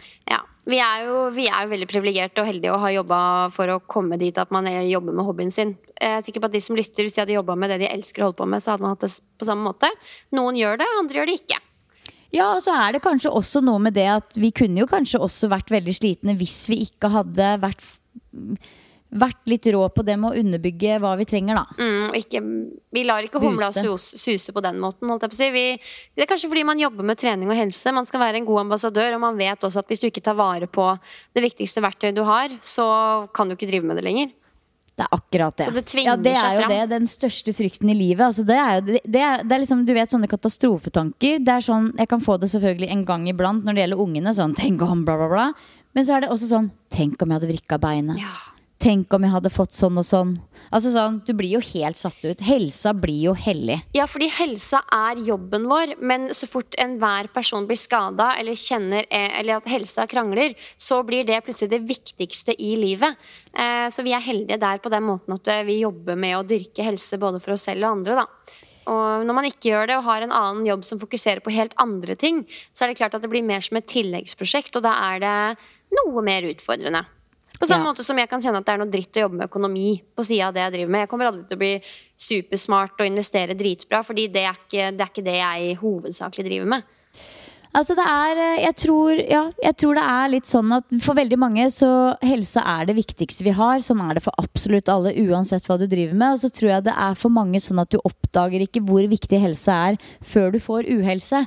Mens jeg tror at jeg, jeg kan se for meg med en gang nå Det høres kanskje cocky ut, uh, egentlig, men jeg kan se for meg nå bare hvor forbanna krise det hadde vært, på en måte.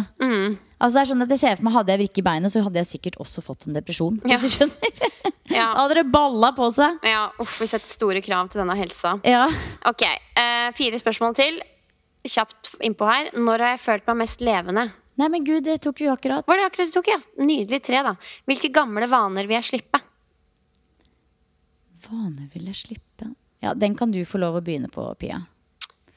Eh, jeg føler jo egentlig at eh, de vanene jeg har eh, nå, er jeg fornøyd med. Og de uvanene jeg har, de vil jeg liksom ikke gjøre noe med. Jeg kunne unngått å overspise godteri på hytta hver gang jeg kom fram fordi det er et stort godteriskap der. Men så er det noe litt deilig i òg. det òg. Jeg kan strukturere tida mi bedre, det har jeg snakka litt om, og det skal jeg jobbe med. Så da må jeg kanskje velge det, da. Ja. Jeg har bare sånne masse sånne tullete ting, jeg også. Eh, altså eksempel det å sjekke alle appene hver gang jeg går inn på telefonen. Det er en forbanna kjip uvane som jeg skal slutte med. Men også mye sånn tulleting. Bite negler og alt mulig sånn fjas, liksom. Men det er jo liksom ting som ikke går utover andre enn meg sjøl, og jeg står i det, liksom. Ja, det er bare det er ikke noe som spenner bein på noe Nei som er viktig for oss. Og jeg tror det. Hvis man er passionate og brenner for noe på én arena, så må man også chille litt på andre Ja. arenaer. Nei, Jeg er veldig bevisst på at jeg har en god del uvaner. Det snakka vi om tidligere i, i eh, vinter også. Men uh ikke viktig nok til å gidde å ta tak i akkurat nå. Og det må være greit. Ja. Hvilke nye vaner vil jeg gjerne dyrke? Ja, Jeg vil veldig gjerne begynne å dyrke det og det har jeg sikkert snakka om før òg, men det er en sånn der, der er jeg litt stuck uh, i å få det til. Det med å ha med liksom, ungene i mye større grad på denne reisen med mat. Eh, mat og kosthold, enda mer liksom, dypdykk for min egen del i hva som er bra for oss i forhold til eh, maten vi skal spise som er bra for oss og helsa vår og planeten og dette samspillet som på mange måter henger veldig sammen, tett sammen. Men, men å ha med seg ungene på den reisen, fordi jeg ser jo det at det er liksom det er ikke sånn at det er noe selvfølge at man får noe opplæring på det noe annet sted i livet. Så det er det vik- et av de viktigste områdene vi har kanskje når det gjelder helse. Når det gjelder å lære opp barna. Det er ikke bare å sende dem på fotballtrening og så nå var du sunn fordi du går på idrett. Det er et større bilde, og der burde jeg lagt inn mye mer tid.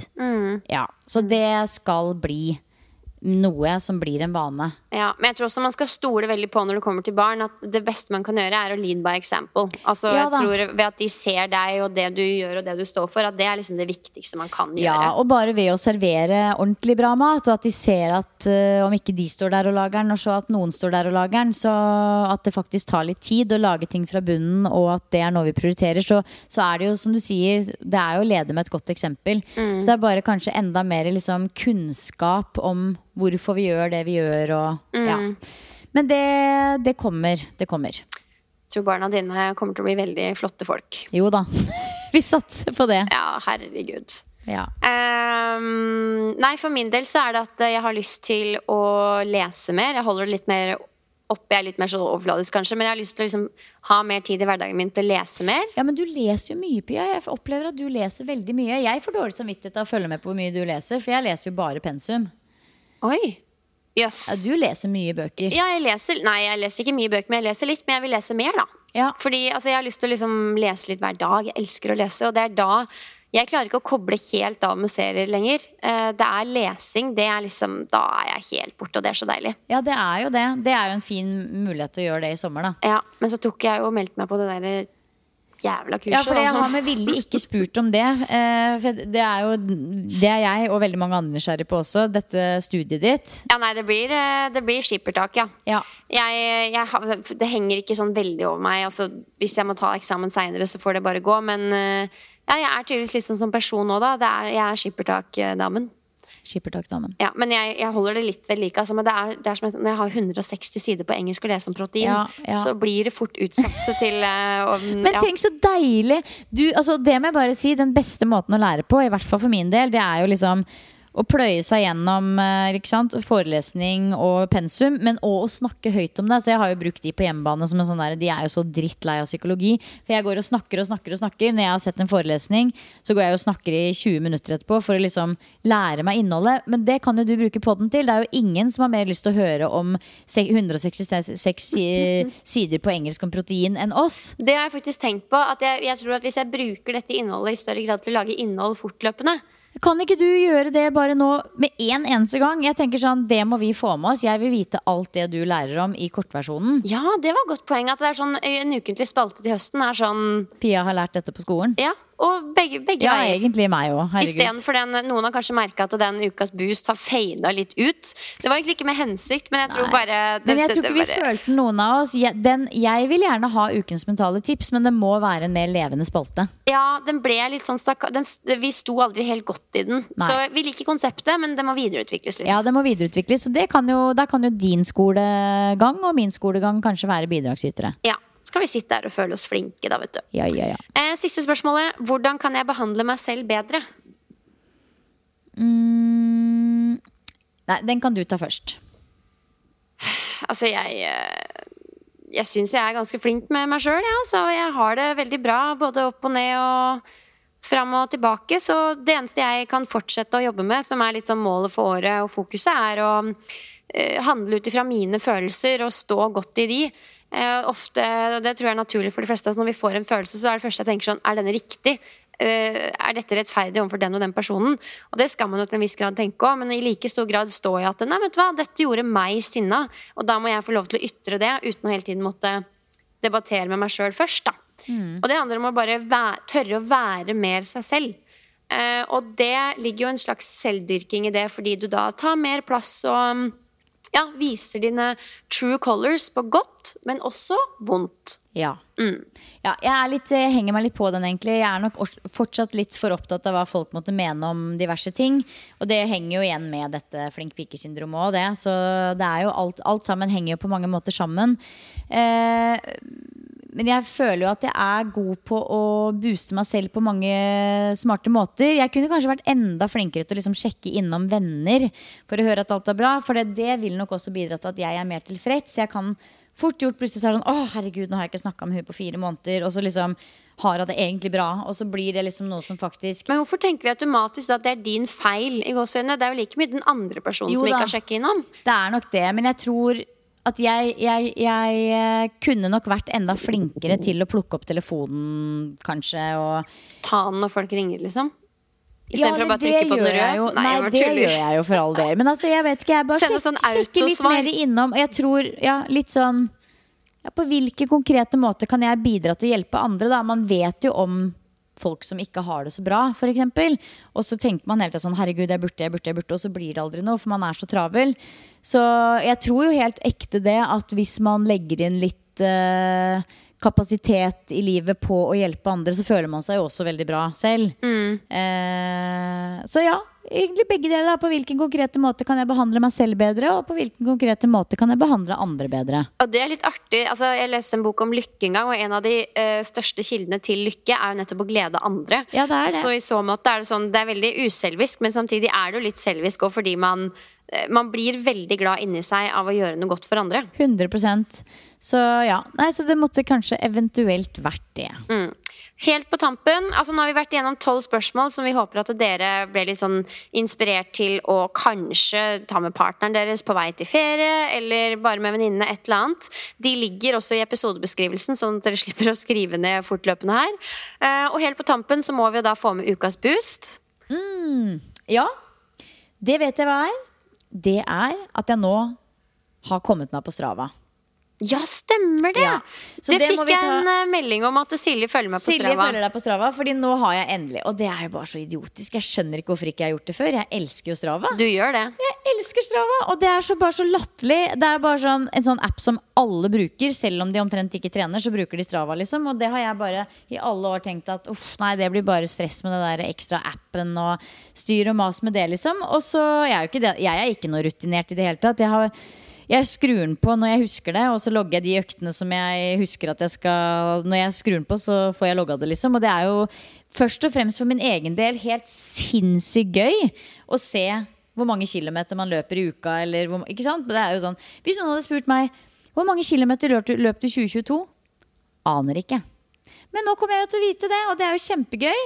I tillegg til at jeg skal jo hit og dit på masse forskjellige steder i Norge i sommer. Ja, det blir gøy. Og ja, man kan jo finne fine løperuter, kyststier, skogstier. Men er det, er det noe sånn for meg som hovedsakelig løper styrketrening, og når jeg løper meg en tur, så er det bare sånn der, jeg bare surrer rundt, og det er Ja, ikke men det noe er gøy likevel å se det etterpå, hvor du har vært. Ok, så men det er, Hvis jeg bare hadde trent styrke, da, hadde du råda meg til å være på Strava da? Nei, det, altså jeg logger jo bare løpeøktene mine Ja, ikke sant? Så det er en Ja, men det er mange som logger andre ting òg, jeg har sett. Men det har ikke jeg begynt med enda, da. Nei, men jeg føler det er sånn, Hvis du er en kondisjonsutøver som trener styrke ved siden av, så logger du det. Men du, du er ikke en styrkeløfter og melder deg inn i Strava, liksom. Jo, men jeg tenker det, hvis du, hvis du er på tur en gang i uka, så ville jeg absolutt gjort det. Jeg angrer nå på at jeg ikke har vært på Strava før. Det må jeg bare si. Yes. Eh, fordi at det er faktisk en Det er sånn at det er liksom Oi! Liksom sånn, det er en veldig sånn motivasjonsgreie som jeg ikke trodde jeg trengte, men tydeligvis så får jeg en boost av det, da. Og det er sånn jeg gleder meg faktisk litt til i sommer, hvor jeg liksom skal sette meg inn i Strava og logge øktene mine når jeg løper over fjellet her, og liksom Nei, vet du hva, det, det, det, tydeligvis så er jeg litt uh, Ja, igjen er jeg litt opptatt av hva folk syns det er. Nei da. Ja, jo, og det må jeg bare si, det er jo det største minus med Strava. At jeg tenker sånn Uff, nå kommer folk til å se hvor sakte jeg løper. Hvis du skjønner sånn, Det er jo helt idiotisk. Det må man jo legge vekk med en gang. Jeg skal bare se på det som en motiv motiverende plattform å være på. Ja, men det er jo et element av det i det òg. Jeg tror veldig mange motiveres av nummer én. At man kan legge ut at man har trent. Jeg som influenser får jo masse gratis der. Fordi jeg, jeg trigges veldig. Eller det er fint å kunne vise det fram til folk. Da, og vise at jeg er den jeg har lyst til å være.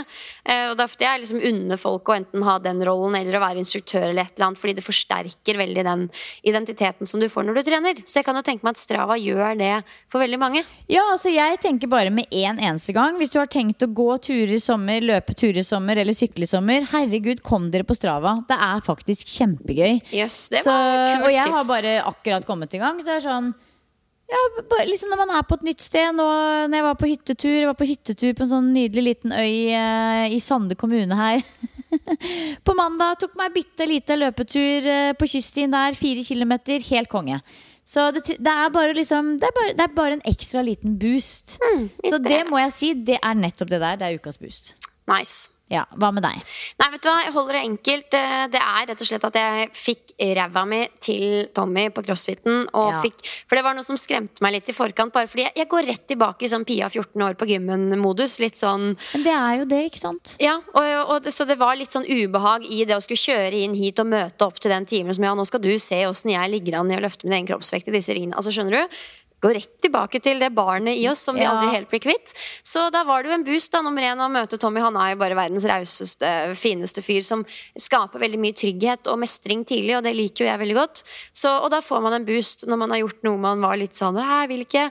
Så gjør man det, og så er det sånn I can do anything. Ja, Og du ligger jo virkelig godt an. Altså, jeg klarte jo på ekte, Pia, ikke å ta en chins med false grip på tre uker. Nei. Jeg, jeg sleit med å bare henge der. Så at du klarte det, ble jeg veldig imponert over. Det var en seier. Men det er bare så godt eksempel på at uansett hvor langt man har kommet i sin reise, så tror jeg veldig mange, spesielt innen trening, også alltid er på vei bort ifra noe. Og man har en sånn identitet i seg som liksom, Den blir ikke borte uansett hvor godt trent man er, eller hvor mye fremgang man har. Ikke 100 i hvert fall. Så bare husk på det at liksom, uansett hva man ser på utsida, så er det alltid Altså, folk er folk, liksom. Folk er folk. Ikke noe umenneskelig med noen av oss. Vi, bare, vi er alle på vår egen reise og pusler med det vi gjør. Og ja, du er på din reise, og du Ja. gjør ditt beste. Vi Ja. gjør vårt beste. Vi gjør vårt beste. Og nå i sommer så er jo på en måte målet, i hvert fall for min del, og for, sikkert for mange andres, å bare gjøre sitt beste i å leve sitt beste liv. Fordi jeg tenker sånn Ja da, man kan sikkert sette seg noen sommermål òg, men for min del er det veldig unødvendig. Jeg har bare lyst til å ha fokus på andre ting. Eh, fortsett å bevege kroppen, men gjerne på litt andre måter. Og tilbringe tid med folk som er kule å henge med. Oi, hva gjør du med de som ikke er kule? Sier du sånn Nå må du gå. Nå, Du er skikkelig nerd. Ha det godt. Takk for denne gang. Jeg skal nok en gang naile pistol squats fordi jeg mista litt et eller annet sted Ja. i 2023. Den skal jeg ha med i programmet Så mitt ikke sant, her kommer det fram. Ja, men det er, det er liksom Det er igjen uh... Ja, men jeg tror det er fordi at vi finner ro og glede i utvikling og ha et prosjekt å være på vei Ja, et sted. ja. Og det skal man ikke ha dårlig samvittighet for. Man må alle finne liksom sin greie. Men har du et ferietreningsprogram som du følger? Ja, det har du selvfølgelig. Of course I do. Course, ja. Men det har på sett og vis jeg også. Men det er ikke sånn mandag er det dette, tirsdag er det dette. Det er mer sånn disse to øktene hadde vært digg å få til i løpet av uka. Og så blir det en del løping ved siden av. Men det er jo sånn for oss i Sterkere, og det er jo ikke sånn at det, det er ikke slavisk, og alle øktene er delt inn i sånn første prioritet, andre prioritet, tredje prioritet, så det er veldig sånn gjør det du får til, men respekter samtidig at nå tar vi det et hakk ned, og liksom flex i tråd med miljøet du er i. Så sånn er det for min del òg, men jeg kan ikke drive med det jeg gjør, og ikke si at jeg ikke følger et program. Nei. Eller jo, det kan du jo. Jeg kunne gjort det, I men, tre uker kan du det. ja, men jeg syns det er moro å følge et program. Ja, jeg skjønner det. Jeg også kommer jo til en viss grad til å følge et program, men det er et meget fleksprogram, da. Ja, jeg tror egentlig vi gjør samme greia, Ja. ish. Mm. Ja. Men eh, ja, så med det Herregud, dette ble en lang episode, folkens, men jeg følte at den var litt boostete. Sånn over hele linja. Ja, så jeg tenker bare at det er fint å runde av med litt sånn eh, Noen refleksjonsspørsmål. Vi har, hvor klisjé du enn måtte synes det er. Du blir litt bedre kjent med deg sjøl, og hvis du stiller disse til partneren eller noen gode venner, så blir du også enda bedre kjent med de. Så jeg tenker at det er litt gøy, jeg. å, å runde av en sesong med det. Og selv om vi runder av sesongen med det, så er det jo likevel sånn, som vi nevnte innledningsvis, at vi er her på øret hele sommeren med lytterspørsmål. Og det gleder jeg meg til. Du får ikke fred. Får ikke fred. Hvis dere er lei av oss, så kan dere pause oss. Vi snakkes. Vi snakkes, snakkes, snakkes, snakkes, snakkes. God sommer. Ha det. Ha en nydelig sommer. Ha det godt, alle sammen.